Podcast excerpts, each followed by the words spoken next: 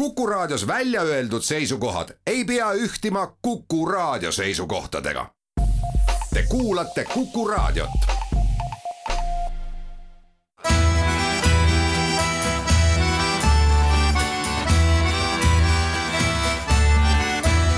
Kirillitsas Eesti tere päevast, head raadiokuulajad, eetris on Kirillitsas Eesti, saatejuht Pavel Ivanov ja stuudios täna Vene AK toimetaja saatejuht Uljana Kuzmina. tere! ja ühiskondlik mitte tagasihoidlik tegelane Andres Anvelt. mitte tagasihoidlik selles mõttes, et asjad, mis meie ühiskonnas toimuvad, ei jäta sind külmaks. kindlasti ei jäta. absoluutselt, tervist ka sulle! tervist ka! meie tänane saade on pühendatud sellistele teemadele, mille kohta võiks äh, öelda niimoodi, et Äh, üldmoraal nendel lugudel või nendel äh, alateemadel võiks olla selline, et kus algab ja lõpeb ideoloogia, kus algab ja lõpeb äh, inimeste mingisugune valik oma mõttemaailmas ja kus kohas algab ja lõpeb kõikide nende asjadega seotud mingisugune ühiskondlik kas siis taunimine või vastupidi, kiitmine ja vastavalt siis ka, kas sildistamine ühes või teises suunas. ja võib-olla alustuseks, kui me räägime sel teemal, siis mind hakkas huvitama üks asi, võib-olla natukene näpust välja imetada, aga siiski, et äh, kui meil siin Riigikogu mängides demokraatiat, nii kuidas muuseas eilses saates, kus ka sina, Andres, osalesid, välja tuli. Äh,, jah, et ETV Plussis oli selline väiklussaade, kus arutati siis seda, mis siis nagu obstruktsioon meie poliitilises kultuuris tegelikult tähendab, aga see selleks, et ma hakkasin mõtlema, et kui praegu Riigikogus jälle on äh, jälle käib võitlus selle üle, et kas äh, lubada siis äh, Äh, noh, väga lihtsalt öeldes äh, ühesooliste inimeste abielu sõlmimine või mitte, siis minu peas plaksatas hoopis teistsugune mõte, et ühiskondliku arvamuse järgi on selles küsimuses nagu kaks väga polariseeritud poolt. ühed, kes ütlevad, et see on nagu demokraatia ja teised, kes ütlevad, et ei, et on olemas traditsioonilised väärtused ja kui võtta sellest viimasest kinni traditsioonilist väärtused, siis me väga hästi kõik teame, et see on üks Venemaa propaganda narratiividest, traditsioonilised väärtused. ja sellega seostatakse teatud mingisugust ideoloogilist seisukohta, mis on sildistatud juba, ahah, et kui sa oled traditsiooniliste väärtuste eest, siis arvatavasti või siis suure tõenäosusega sa oled Venemaa propaganda poolt ära pestud ajude poolt. et mul on selline küsimus, kui näiteks meie ühiskonnas selle teema arutamise juures selgub mingisugustest avalikest, ma ei tea, väljaütlemistest, kommentaaridest, et näiteks venekeelsed inimesed Eestis ei poolda sellist asja, kas sellega koheselt kaasneb ka mingisugune sildistamine, aa selge, nemad toetavad traditsioonilisi väärtusi, see tähendab seda, et nad toetavad Venemaa propaganda narratiive no siis äh, saab öelda, et meil kaks ja pool erakonda, parlamendierakonda äh, ka toetavad, äh, ma ei tea, Kremli narratiivi, ma ei üldistaks niimoodi. kahe suhtes on juba öeldud ei usu, see on üle pea tõmmatud kuidagi, see, see on nii okay. üldistatav ja kelle huvides see on, ma, no ma ei teagi. no mina arvan seda, et selliste inimeste sisemised väärtused mida igaüks meist kannab ja mis on väga personaalsed äh,, sild-, muutuvad sildistat-, sildistatavateks ideoloogilisteks siis, kui seda poliitikud ära kasutavad äh,. Mis on üks osa, eks ju, demokraatlikust poliitikast äh,, seda ei maksa isegi karta, aga põhjus, miks meil on ta muutunud eriti nüüd viimasel ajal äh, selliseks äh, väga teravaks tööriistaks, kusjuures mõlema poole peal, Äh, praegu on väga raske öelda, kumb on nagu äh, mõlemad pooled, sa mõtlesid, no et klassikalises äh, no, klassikaliselt opositsioon ja koalitsioon. ja isegi see teistmoodi, kuidas me oleme kunagi rääkinud, meil on valged jõud ja meil on mitte valged jõud, eks ju, noh okay. no et ka seal on see, see valged jõud on võtnud üle väga mõnusasti sellesama sildistamise, kuidas öeldakse teise poole putinistid ja hitlerlased ja mis iganes. Mis ma tahan selle pika jutu peale öelda, on see, et eh, ma arvan, et eh, nende inimeste sildistamine, kes ütleme, venekeelne elanikkond, kes on, kes on tegelikult, peavad siis avalikult ütlevad, nad on traditsiooniliste väärtuste poolt, see on lihtsalt äh, poliitiline kapital teisele poolele äh,, millel tegelikult taust on täitsa teine, inimesed arvavadki niimoodi väga paljud, kuigi ma vaatasin mingit leheküsitlust äh,, mis tänaval tehti ja seal oli, okei okay,, see oli võib-olla väga kõigutud Balti jaamas kuskil Eesti kümnest inimesest, umbes enamus olid venekeelsed ja olid selle seaduse poolt, siis oli mingi Eesti rongijuht või keegi, kes ütles tema vastu. nii et ma ei tea aga teiselt poolt, mis halba on konservatiivses mõtlemises? no mina küsiks, et meil on vabariik, me saame äh, nii liberaalid kui ka konservatiivid olla, kui me kõik mõtleks ühtemoodi, kas või liberaalselt või konservatiivselt, et noh, kuhu me jõuaksime, et äh, naaberriigis ongi niimoodi, et noh, üheksakümmend prossa no, me täpselt sinna jõudsimegi, et kui me ütleme konservatiivne mõtlemine, siis esimene mõte on kohe naaberriik, ideoloogia ja nii edasi, nii edasi. mina ei ütle, ma olen alati seda ka vaielnud, ütleme, äh, parlamendi aeg ütleme mu kolleegidega. Venemaa äh, võimu aastate jooksul võrrelda konservatiividega on väga vale. seal ei ole ühtegi tegelikult maailmavaadet sees meile tundub, et traditsiooniliste väärtuste eest, vabandage, nad peidavad selle taha kogu oma korruptiivse asja, sest see on traditsiooniline olnud Venemaal, et äh, ütleme niimoodi, juba Menšikov, eks ju, varastas, nii et yeah. Peeter Esimene ajas teda kirvega taga, eks ju, nii et tegelikult see ongi traditsioonilised väärtused. Nad peidavad selle taha siis ka nagu selle homovastasuse, homofoobia, eks ju. aga iseenesest seal ei ole konservatismi, mõnes kohas on see täielik liberalism, äh, näiteks mingis finantssüsteemides võib olla, kuskil on on seal hästi sotsiaalset hoolitsetust ka jutumärkides, nii et see ei ole ühe inimese peale ehitatud ideoloogia. jaa, täpselt nii ongi, täpselt no okei okay,, kui ta on ehitatud ühe inimese peale. ühe inimese poolt isegi. ühe inimese poolt jah äh,. ta õigemini oleks niimoodi, et tegelikult see vist haakub sellise mõistega nagu Russki Mir, aga no mitte fond, vaid siis nagu see nähtus, eks ju mm -hmm., ideoloogiline nähtus äh,. siis ütleme, seesama üks inimene, kellest me siin kõik mõtleme, et tema tegelikult kasutas ära selle idee. aga kui me tuleme selle Russki Miri juurde ja seal sees oleva ühe narratiivi sellesama traditsiooniliste väärtuste kohta, siis paralleelselt sellega koheselt tuleb välja see õigeusu värk. ja tegelikult ka mis peaks ühendama sellesama Russki Miri idee järgi, kontseptsiooni järgi kõiki slaavlasi, see on vene keel, noh, slaavi keel konkreetselt mm. -hmm. aga õigeusk ei tähenda putinismi ka no.. vot see on nüüd huvitav, sellest ei ole vist aru saadud.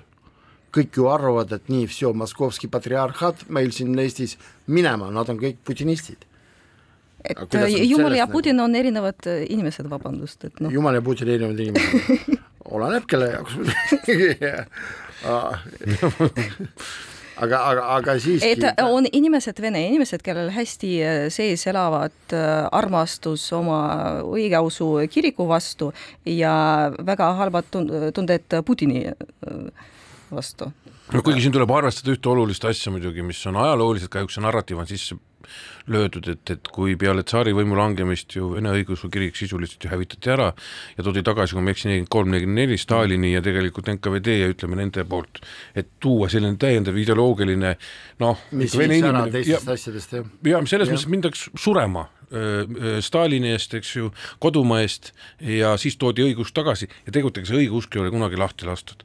võim ja, on teda hoidnud. Ja nüüd ma arvan, et Putin kasutab seda ideaalselt jälle ära, mis ei sega muidugi, ma olen Uljana sinuga sada protsenti nõus, et, et õige usklik, noh, selles mõttes mitte õigeusklik üks sõna, õige mm -hmm. usklik mm, -hmm. kaks sõna, eks ju, teda see ei huvita, tema usub Jumalat. aga väga paljudeks, ma jään ikkagi selle juurde, on õigeusk selleks, mille taha peita siis oma sellist ka ideoloogiat, ideoloogilist varju ja kelle jaoks on ikooni asemel võib-olla ka siis Vladimir Vladimirovitši pilt. aga ütle, vaata siis, siis kui sina olid siseminister, kas oli mingisugune kuidas seda nimetada, kas oli mingisugune kontseptsioon, kuidas suhtuda sellesse samasse näiteks äh, õigeusu teemasse, kas ta oli juba näiteks äh, sinu ajal, no kindlasti oli, aga mis moel ta oli äh, politiseeritud, ideologiseeritud ja samas ka võib-olla, kuna siseministeerium tegeleb ka nagu perekondade asjadega, et kas need traditsioonilised pereväärtused olid ka kuidagimoodi selles potis? jaa, muidugi olid, see oli ju äh, kõige selline äh, huvitavam aeg, et äh, esiteks muutus olukord riigis, ministrina ma juhtisin ka kirikute nõukogu. No, ja, ja kirikute nõukogus olid siis äh, erinevate siis nagu öeldakse äh, usuliikide esindajad. Äh,, Moskva patriarhaalse kiriku oma vist ei olnud, ma arvan, ei olnud, aga ma võin eksida, ma enam ei mäleta, aga üldiselt siis ei olnud see asi nii ideoloogiline, sõda ei olnud veel isegi kuskil käeulatus, kuigi no ütleme, Krimm oli annekteeritud.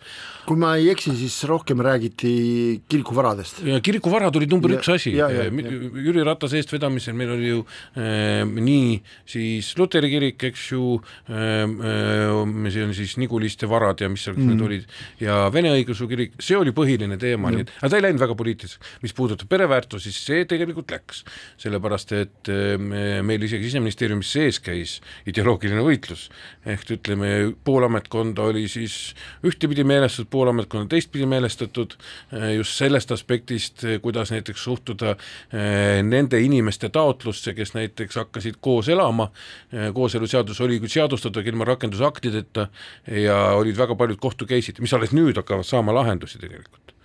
ehk eh, see oli selline suhteliselt eh, võitluste moment ka riigiaparaadis. aga teeme väikese reklaamipausi, pärast jätkame saadet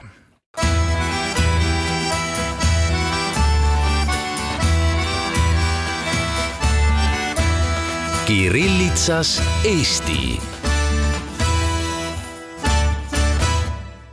Jätkame saadet, sel nädalal väga huvitavat lugemist minu meelest pakkus venekeelne Postimees, kes avaldas järjekordse kirjavahetuse kahe isiku vahel, miks ma ütlesin, et järjekordse, sellepärast et äh, ka varemgi ma olen lugenud igasuguseid huvitavaid kirjavahetusi. Ja seekord äh, jutt järjekordselt kusjuures puudutas Narvat. Ja Narva elanike maailmavaateid, suhtumist ja nii edasi, nii edasi, et miks ma järjekordselt ütlesin järjekordselt, meelega praegu mängisin niisugust sõnademängu. Et äh, see oli ju eelmisel aastal siis, kui toimus kirjavahetus Narva linnapea ja Lasnamäe linnaosavanema vahel, et kus kohas on rohkem putiniste, et kas Las-, Lasnamäel või siis Narvas. see oli muidugi koomiline, eriti just Lasnamäe linnaosavanema poolt vaadatuna.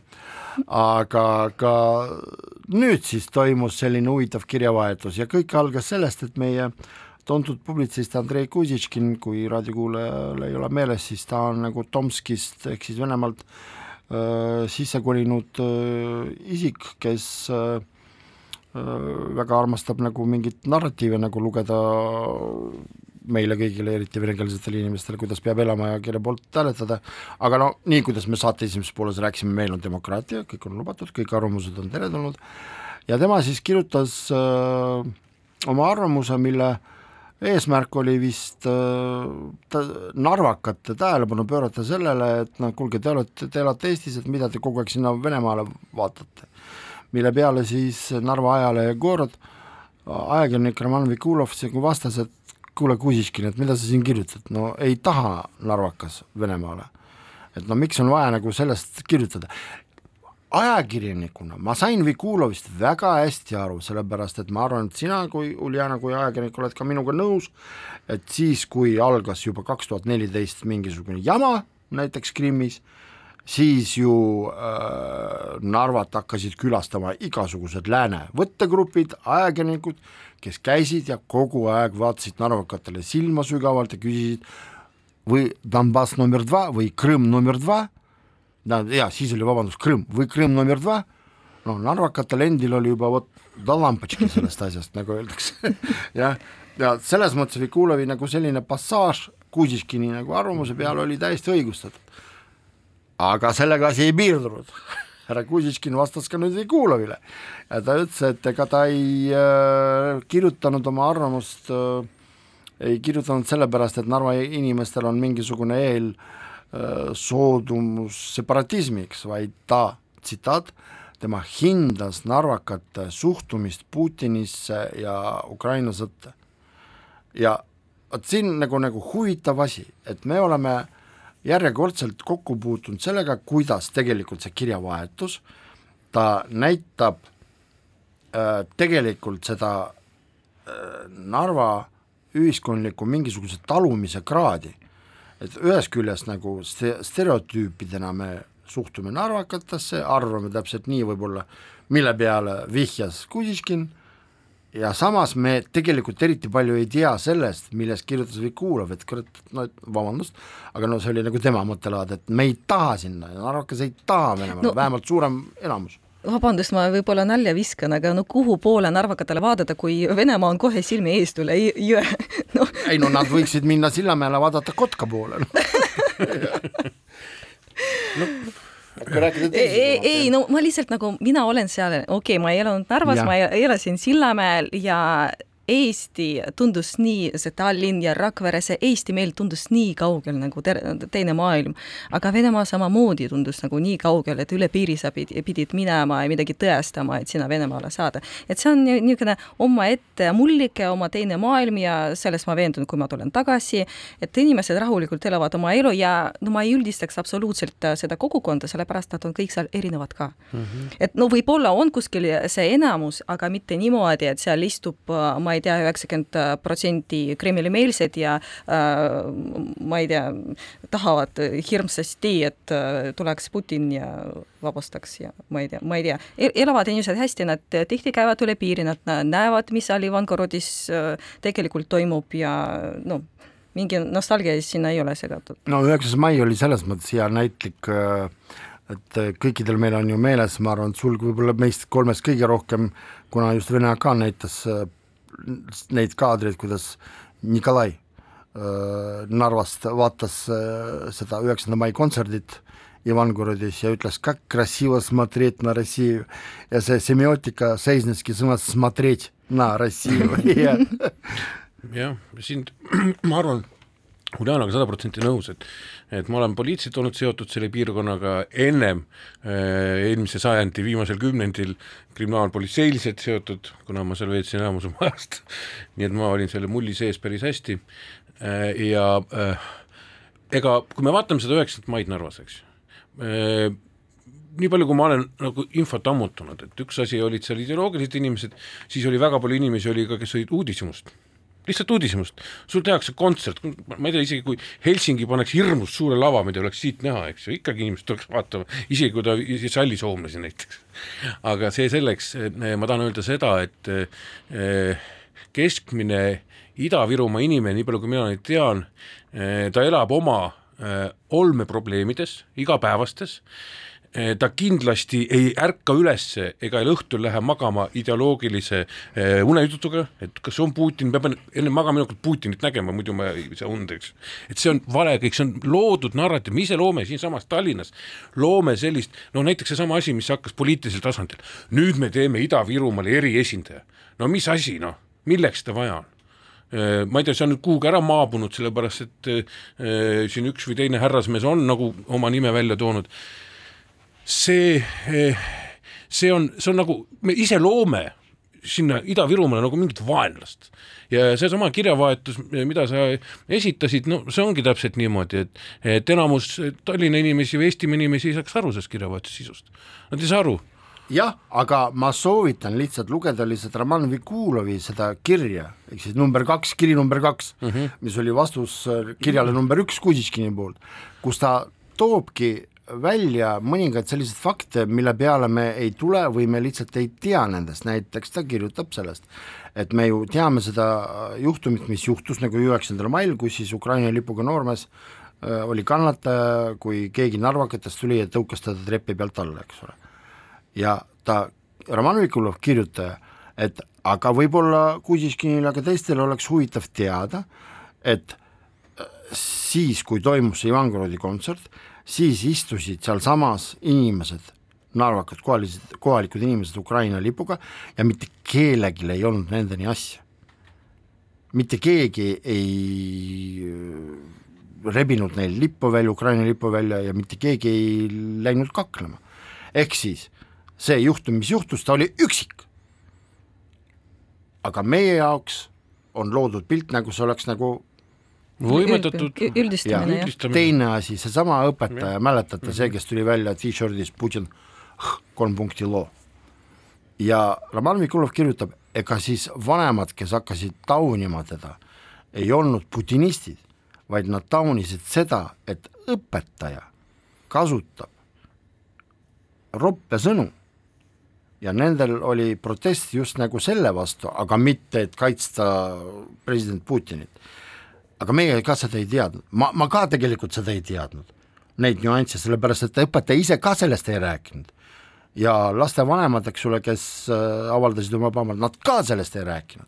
selles mõttes on hea, kui ajakirjanik tegelikult seletab lahti mingisuguseid asju, mida meie mõistes no ma ei oskagi öelda, mitte et oleks raske aru saada, vaid võimatu aru saada, sellepärast me nendest ei tea. jaa, aga vaata, siin on üks asi, mis tuleb kindlasti teile mõlemale kui ajakirjanikule eh, ette visata, eh, selles mõttes, et nagu pretensioon on, mis ma ise puutun kokku, kui ma tegelen oma niisuguse tänapäevase äriga, see suhtekorraldus näiteks ja muud asjad, on see, et eh, no see on mitte ainult Ida-Virumaa, aga Ida-Virumaal paistab see eriti välja, saada ütleme niimoodi, Eesti üleriikliku meedia, kommerts või siis erameedia või selle riigimeedia eh, inimest milleski kajastama Ida-Virumaal, see peab olema ainult negatiivne asi, positiivset on väga raske saada midagi positiivset, midagi aga saavutada. keegi ei loe positiivset ju. no ma, see on ka teine asi muidugi jah. et no. ma, ma ütleks niimoodi, et üks Narva elab huvitavamini kui terve Eesti koos.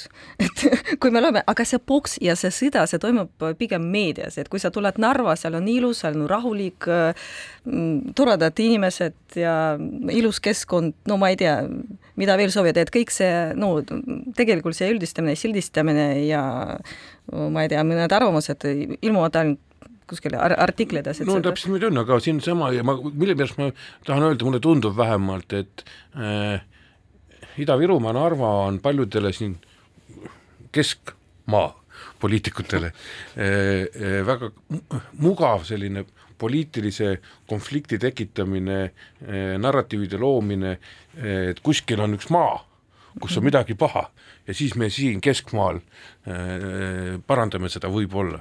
ja siis ei ole soodne, et äh, asjad muutuksid paremaks, sellepärast jaa, ma arvan küll, jah, see võib, see võib olla ka muideks üks probleem. no muuseas, Roman Vikulov oma kirjas seletas ka selle äh, asja ära äh,, miks on selline fenomen, et Narvas elavad inimesed Venemaa presidendivalimistel hääletavad nagu Putini poolt.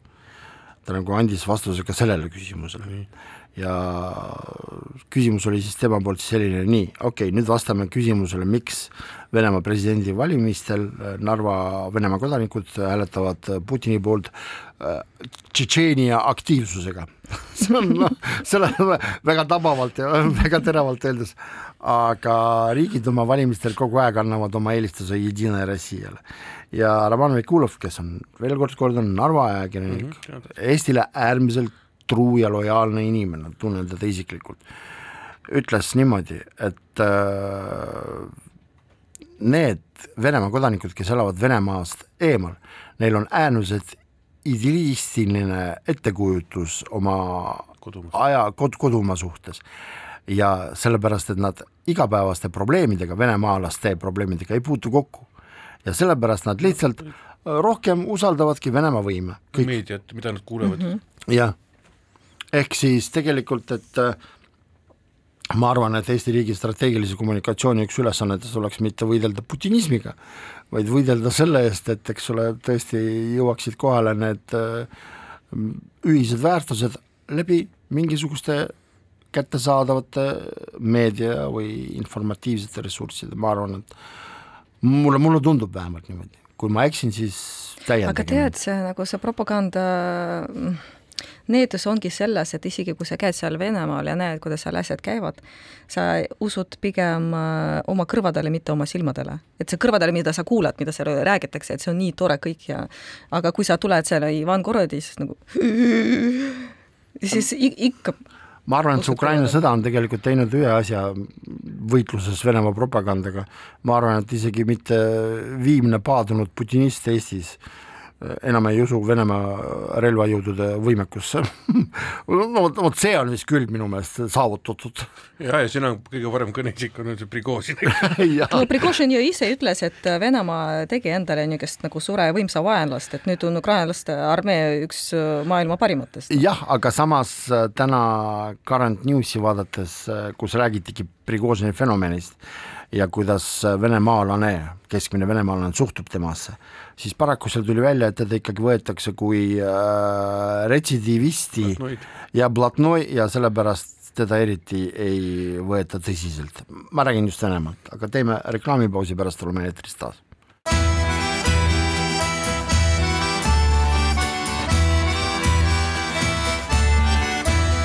Kirillitsas Eesti. Meie saade jätkub stuudios Uljanukus mina, Andres Anvelt ja saatejuht Pavel Ivanov. sel nädalal venekeelses Delfis oli järjekordselt väga huvitav arvamus sellise nime alt nagu Dmitri Ivanov, esiteks minuga pole mingit pistmist ja pole pistmist ka selle tegelikult nimega, sellepärast et see on äh, vene keeles öeldakse psevdonim omal ajal olid naljad, et mitte pseudonim, vaid pseudonim aga see on jah, see ei ole tema õige nimi, selle autori õige nimi äh,. Igal juhul äh, inimene, kes selle nime all kirjutab äh,, väga hästi teab nii Eesti ühiskonda, nii konkreetset vene kogukonda ja ta oskab võib-olla vajutada õigetele pedaalidele küsimustes, kuidas siis vene kogukond ennast siin tunneb ja kuidas ta elab. Ja ka sel nädalal ilmunud tema arvamus äh, oli pühendatud suures laastus teemale, et äh, miks vene inimesed praegusel hetkel Eestis, kes elavad, nad vaikivad ja kas on üldse võimalik ideoloogiast vabalt lahendada mingisugused probleemid, mis ühel või teisel moel puudutavad just venekeelset kogukonda. ja seesama autor äh, kirjutab, et näiteks halli passi pro-, probleemid, eestikeelsele õppele üleminek ja ajaloolise mälu äh, küsimused on võimalik lahendada, kui tegeleda nendega tõsiselt ja mitte anda võimaluse ühiskondlikele ja poliitilistele asjameestele parasiteerida nendel teemadel, ehk siis teisisõnu äh, minu jaoks siin oli kaks väga huvitavat aspekti, esiteks nagu püstitati see tees, et tegelikult ilma ideoloogiata on võimalik täiesti normaalselt lahendada kõiki asju, mis võib-olla meile tunduvad äh, nõndanimetatud spetsiifiline vene teema äh, ja teine küsimus ongi nagu see, et järjekordselt me tuleme selle äh, vanasõna juurde, et kas kehtib see reegel, et kui eestlane avaldab oma pahameelt Eesti Vabariigi, ma ei tea, seal valitsuse või võimu poolt äh, rakendatud asjadele, asjade vastu, siis ta kritiseerib Eesti Vabariiki, siis kui vene inimene seda teeb, siis ta on putinist. ehk siis teisisõnu, aga üritame sellest rääkida, et oletame, võtame nagu fantasmagooria äh, sellise, et hallide passi küsimus, üritame seda lahendada ilma ideoloogiata. kas on võimalik? Et me ei süvene, tähendab, et meil on liht-, puha, võtame ainult puhtalt pragmaatiliselt. et äh, jah, et mittekodanike instituut Eesti Vabariigis halli passi omanike näol ei ole mõistlik, lahendame selle probleemi pragmaatiliselt, umbes nii, et nagu tehases, meil on vaja toota kakssada tahtsin öelda tanki, aga tankist ei ole eriti mugav öelda, kakssada traktorit, eks ole, meil on nii palju metalli, meil on nii palju seal rattaid, ma ei tea, mida veel, eks ole, nii, teeme nad valmis. või, või see ei ole lahendatav ilma mingisuguste ideoloogiliste asjade. no kui näiteks öelda halli passide omanikele, et tulge lihtsalt avaldage oma soovi ja siis te saite sa,, saate oma nagu Eesti kodakondsust. seda on öeldud, aga sinna lisaks antakse nagu, kui me võtame, võtame tehase, eks ole, siis antakse nii palju neid uusi jooniseid ja äh, normatiivakte juurde. Vaata, Pavel, sa jõudsidki täpselt, väga komissid õige koha peal. Okay.. traktoritehased ongi väga ideoloogilised, sest traktoritehas on see, mis muudetakse kriisiolukorras kohe tankitehaseks. Selles mõttes ei ole see üldse väga kaugel. Okay., äh, aga äh, olles selles asjas sees olnud, eks aastaid nii ministrina kui Riigikogu poliitikuna, jaa äh,, seda teemat tõstetakse kogu aeg laua peale, tegelikult mis on põhjus, on see, et mm, halli passi äh, tulevisk on käega löödud selle mõttega, et ta sureb niikuinii välja. et põlvkonnad vahetuvad ja ta sureb välja et juurdekasv hallides passides on suhteliselt olemas. ehk siis äh, lahendus see, et istume ja ootame? ja istume ootame, see on üks lahendus. tegelikult teine lahendus on see, et inimestele on pakutud ja hästi palju on, on pakutud on. neid skeeme, kuidas nad, legaalses seaduslikke mm -hmm. skeeme, kuidas nad seda saaksid. et väga suur osa on olnud ka tahtes, nende inimeste tahtes, sa ei saa inimesele peale suruda Eesti kodakondsust, ei saa ta peab ise tahtma. Ja kui me hakkame vaatama, ma mäletan, siseministrina me tegime just selliseid projekte neile, ütleme halli passi inimestele just. Ja, ja no ei olnud seda tungi, sinna tungi tuli näiteks, tuli Venemaa kodanikke Eestis elavaid, kes tahtis saada Eesti kodanikuks, sinna tungi tuli igasuguseid teisi siin, ma ei tea, süürlasi ja mida, keda siis iganes, aga need halli passi inimeste järjekorda ei olnud ukse taga, sest mõte oli milles, anda neile see noh, kui ta ei ole kahjuks paarikümne aasta jooksul ära õppinud, keskkond ei ole võib-olla seonud, võimalus äh, saada äh, see kodakondsus läbi selle kas või mingi ühe-kaheaastase keeleõppe, kõik muud asjad no mina eestlasena ütlen veel kord, ma ei saa päris alla neelata seda, et, et, et me anname kodakondsuse lihtsalt no kui inimene ei taha keelt õppida selgeks, no see ei ole nii keeruline, see on võimalik, kui sul on tahe sees, ma tunnen ühtsena ennast selle riigi no liikmena. ma ütlen sulle niimoodi, et äh, valdav enamus ka venekeelseid inimesi Eestis, kes äh, valdavad eesti keelt isegi keskmisel tasemel ja võib-olla isegi algtasemel, nad ka sellest, ei, aga nad ka sellest aru ei saa aga tead, mis on üks põhjus, me tegime no. nii-öelda äh, mitteametliku uuringu Siseministeeriumi ajal. hall pass on väga-väga paljudele inimestele, nagu öeldakse, võimalus toimetada Eesti, Venemaa, Madriidi vahel rahulikult. sul on palju lihtsam elu kui Vene passi omanikul, isegi kui sul on Eesti elamisluba ja kõik muud asjad. ja paljud seda, sellega kaitsevadki enda Prag pragmaatiline põhjus, aga ma suhtlesin ka nende halli passi omandi, omanikega, kes väga hästi valdavad eesti keelt näiteks, siis ma küsisin, no miks sa ei vaheta Eesti kodakondsuse vastu, ta ütleb, ei no ei viitsi, seal peab nagu mingi eksamid käima ja siis mul on niigi mugav, mul on pass. Et asi ei ole selles, et ta on ebalojaalne või mis iganes. ja on ka see kategooria, kes ütleb, et ma olen solvunud Eesti Eesti riigi peale, miks nad andsid mulle halli passi, ma ka tahan kodanik olla, aga see on, Eesti riik peab tulema ja andma mulle nagu miks, miks mind jäeti ilma selle passita äh, just üheksakümnendates, on, on ka selline kategooria. mina ütlen siin väga lihtsalt, et üheksakümne teisel aastal esimestel Eesti Vabariigi valimistel, vabadel valimistel, mina läksin politsei vormis valimistele, Tjotka vaatas nimekirja läbi, Anvelt võinis piski, ma ütlesin, mis mõttes, te olete halli passi omanik ja ega ma olingi, ma olin kodakondsusetu, aga ma neelasin selle alla ja tegin need eksamid ära, ütleme, ja sain selle kodakondsuse, eks ju, lihtsustatud korras. Mm. -hmm. kuna, kuna Eesti soost inimene, ma ei pidanud keeleeksamit tegema, noh, taotlus sisuliselt ja siuksed asjad. Ja ma sain selle passi, eks ju, pärast tuli välja, et ma olin tegelikult sünnijärgne ka veel. Aga äh, et mis ma tahan öelda, on see, et, et seda solvumist, minul oli kohutav solvumine, ma olin kolm, kaks aastat Eesti politseis töötanud ennem, eks ju, Eestis miilitsas ja kõik puha, aga ma neelasin selle alla, ma saan aru, et riik muutus segadus. Ja täpselt samuti ma kutsun neid inimesi üles, et mida te tahate, selles mõttes, et tuleb mõista nagu seda, ka natuke seda ajalugu ja kõike muud, ehk eh, natukene seda vaeva nägema, neelama alla, see ei ole küsimus. aga on ka pensionärid, kes no noh, ei, okei okay, no,, aga tulles tagasi sellesama arvamuse autori juurde, mm. et kas me siis saame nõustuda tema teisiga, et tegelikult seesama halli probleem on täiesti lahendatav siseriiklik poli- äh,, probleem ta ongi siseriiklik, ta ongi siseriiklik, ta on ainult siseriiklik ta ei saa, ta ei ole okei okay,, aga kui mingisugune OSCE ütleb meile, et kuulge, et lahendage ära see mittekodanike institutsioon Eestis, et see meile nagu ei läheks peale? on läinud, on selles mõttes, on OSCE-le ka raporteeritud, et kõik võimalused on loodud.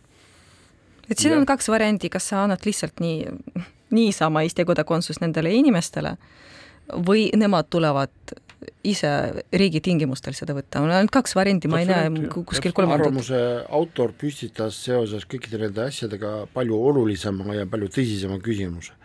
et kas meil praegu Eesti Vabariigis on loodud selline situatsioon, kus äh, vene keelt kõnelev mitte-eestlane ongi pigem vait? ta ongi. et mitte sattuda Aivo Petersoni juurde näiteks? ei, ma, ma ei arva, selle, lihtsalt see venekeelne kogukond, okei okay,, me kõik, meie emakeel on nagu vene keel, aga me ei ole homogeenne kogukond meil kõigil on omad probleemid, kellel halli passidega, kellel praegu Venemaa passidega, kellel vene-eesti kooliga või mis iganes, meil on erinev äh, sisetulek ja hariduse tase ja nii edasi ja nii edasi ja me kõik noh, no ei saa, ei saa öelda niimoodi, et me mõtleme ka kõik ühtemoodi mm. -hmm. et äh, see oli näha, kui algas sõda, jah mm, -hmm. kui palju leeri oli vene kogukonnas ja nii see jääbki ja siis lihtsalt see olukord näitaski, kui erinevad me omavahel oleme.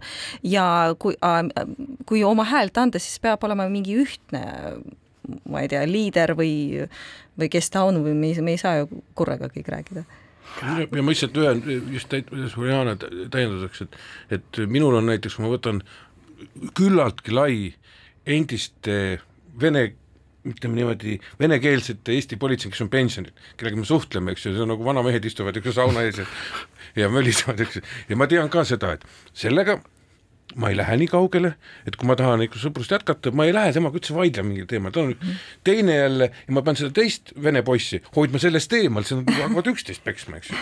ehk ma tahan öelda, see on niivõrd eh, mitmedimensionaalne ja, ja aga miks, mina olen tähele pannud, see on minu puht, puhas minu arvamuskäik, et mispärast võib-olla sõja algus äh, ikkagi vähendas äh, venekeelse elanikkonna nagu sellist äh, noh, julgust rääkida või tahet rääkida, sellepärast et eh, esiteks ta kardabki seda, et ta võib minna nii-öelda oma naabriga tülli, oma ema Vanematega. oma pojaga, poeg oma isaga ja nii edasi, ja, ja eh, kolmas asi veel siia juurde eh,, osad võib-olla tahaksid rääkida Nendel on võib-olla piinlik, paljudel on piinlik selle Venemaa käitumise eest, selle sõja, agressiooni eest ja kõik muud asjad. aga jällegi nad ei taha oma selles seltskonnas, ütleme lähikonnas tülitseda, seepärast nad on parem vait, nad on parem mm -hmm. vait. Jaa, aga mida see muudab, kui me hakkame no kisama, et inimene mõtleb sees, et äh, kui ma lähen nagu oma õiguse eest äh, ma ei tea, võit, või võitlema tänavale, et kes mind toetab, kes läheb minuga kaasa ja mis lõpus saab, et noh, sa ei saa aru, mida oodata pärast seda ja kas midagi muudab see. muuseas, sellest me räägime ka natukene peale reklaamipausi, aga enne reklaamipausi minekut ma saan aru, et kogu selle situatsiooni äh, naljaga pooleks kokkuvõtmiseks äh, peaks meelde tuletama Naša Raša tegelase äh, turvamees Bahadachi väljendit, et так что ж с тобой делать, понять, простить reklaamipaus pärast oleme eetris taas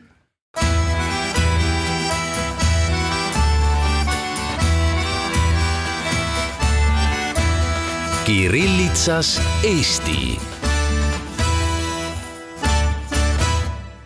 on veel üks teema, mis täiesti haakub meie tänase jutuga, äh, kõikides nendes alateemades, mis me oleme juba rääkinud, et äh, ja ma võtsin kinni sellest, mis Juliana ütles, et noh, et kas äh, ühel või teisel mingisugusel ühiskondlikul grupil on piisavalt siseressurssi selle jaoks, et minna millegiga kaasa ja koheselt tuli millegipärast meelde liikumine koos ja ka uudised olid sel nädalal seotud teatud määral sellega, et me saime teada, et äh, üks nendest äh, tegelastest, siis Oleg Ivanov, on siis otsustanud jääda Venemaale, et sealt siis nagu juhtida selle partei nüüdse, eks ole, äh, asju ja ta nagu oma, kuidas nüüd öelda, avalikus pöördumises äh, rääkides põhjustest, et ütles, et noh, et no ühesõnaga andis mõista, et ta ei taha nagu, et ta satub seal kapo orbiiti ja ei tea, mida veel.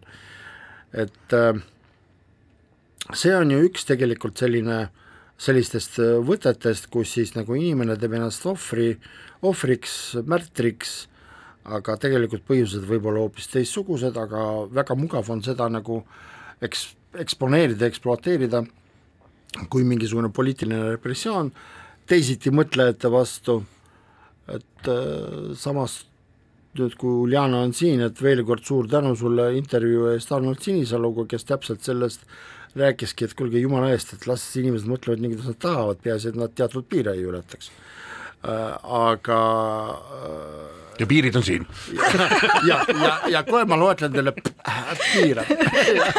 ei no see on juba meie interpretatsioon asjast, eks ju no, nüüd te viisite asja nagu natukene teises suunas, aga no okei okay., et mis ma tahtsin sellega öelda, et tegelikult ka liikumine koos ju praegu näitab seda, et soo kõik, et nendega on kööga, nad midagi siin Uljana mulle autos ütles, et midagi seal üritavad teha, mingisuguseid aktsioone, aga Narvas jah, sa ütlesid aga, aga kes on nende uus liider, üks on põgenenud, äh, nagu ta ütleb, ta teist põgendati no, no kuidagi niimoodi, et nagu no sa, sa ei saa lihtsalt peata jätkata.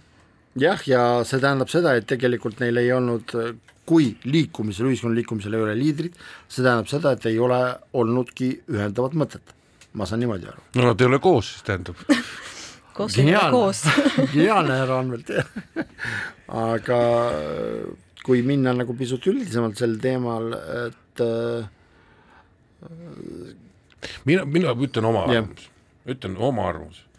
Ja andke mulle kõik koos kõik mulle andeks aga on see, et Prastim on see, et ma arvan, et see on järjekordne selline kehva õpiku näide läbi kukkunud eh, sellisest ideoloogilisest operatsioonist, teiselt poolt luua siin mingisugune liikumine, millel tegelikult on hetkeline, oli emotsionaalne mingisugune pinnas, väikene.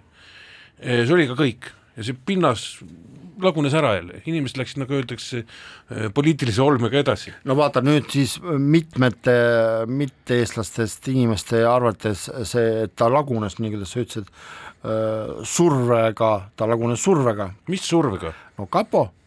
No- ma räägin praegu sulle avalikust arvamusest.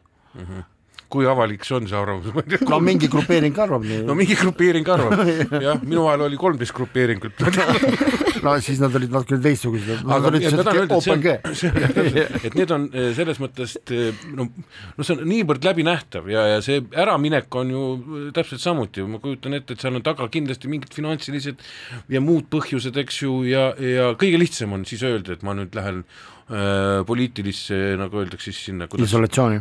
no või mitte isolatsiooni, dissident, jah, nagu Lenin oli ka, ma ei tea, Poolas ja ma ei tea, kus kohas. jah, ta oli ka kusagil Soomes, kakundas šalaše. jah, täpselt.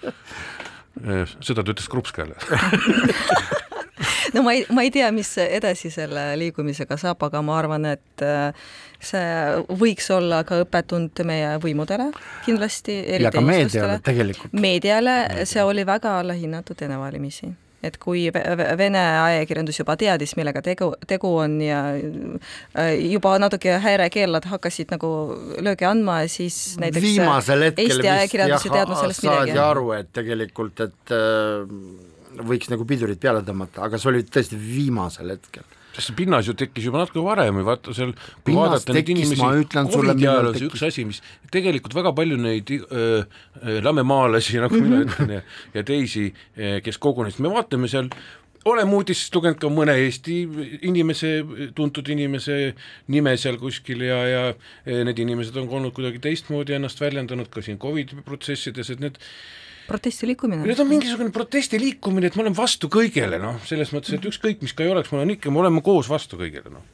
koos jah, aga kuulge veel üks viimane täiesti teemakene, et äh, mis me arvame sellest, et Kaja Kanepi koos Angelina Kabujevaga Venemaal mängis siis Strasbourgis VTA ühel turniiril ja äh, nüüd siis Kaja Kanep ikka saab niimist tolmab selle eest, et äh, ta mängis just venelannaga Venemaalt ja viimane nagu fraas, mis nagu vähemalt nagu meediast on läbi käinud, on siis Urmas Sõõrumaa poolt, et äh, väga vale arusaam on lugupeetud Kaja Kanepil sellest, mis on Eesti riigi seisukohad selles küsimuses. nojah, kuna meil on juba kombeks olnud siin selle tunni aja jooksul igal pool otsida mingit paralleeli, siis ma ütlen jah, et kanepil on ennast, ennast raske legaliseerida nüüd. noh, tema sõnavõtud ei ole olnud küllaldased, et eh, siin on üks muidugi, üks narratiiv, mida ei tohi unustada ja seda on räägitud ka algusest peale, see on riskimoment olnud suur, et sellised spordialad nagu tennis ja näiteks autosport ja mis väga vähe sõltuvad riiklikust rahastust, nad on väga no, kommertsspordialad Nad on väga individuaalsed. individuaalsed, jah, täpselt, oma elu elavad ja, ja need inimesed ongi nagu sellisest võib-olla spordipoliitikast palju kaugemal ja, ja noh, tema need vabandused eh, nagu ei kõla, no selles mõttes kõlavad siiralt, aga ta ei näinudki selles mingit probleemi. see tähendab seda, et on, nagu öeldakse, punamüts ja keksis metsa alla, noh.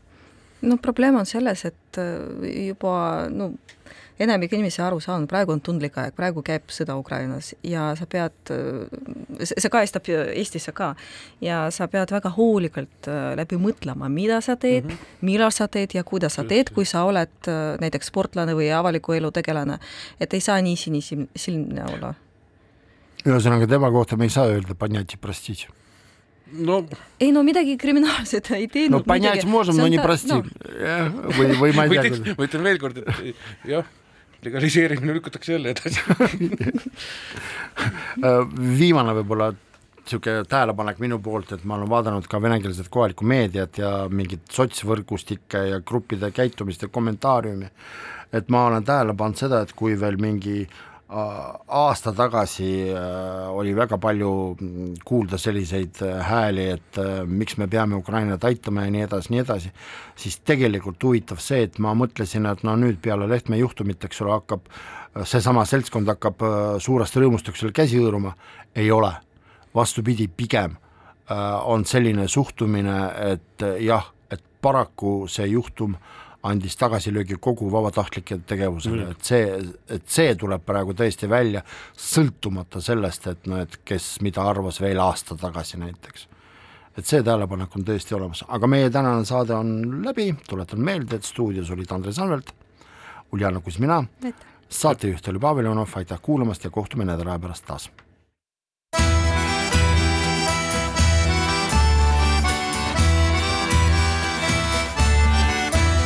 Kirillitsas Eesti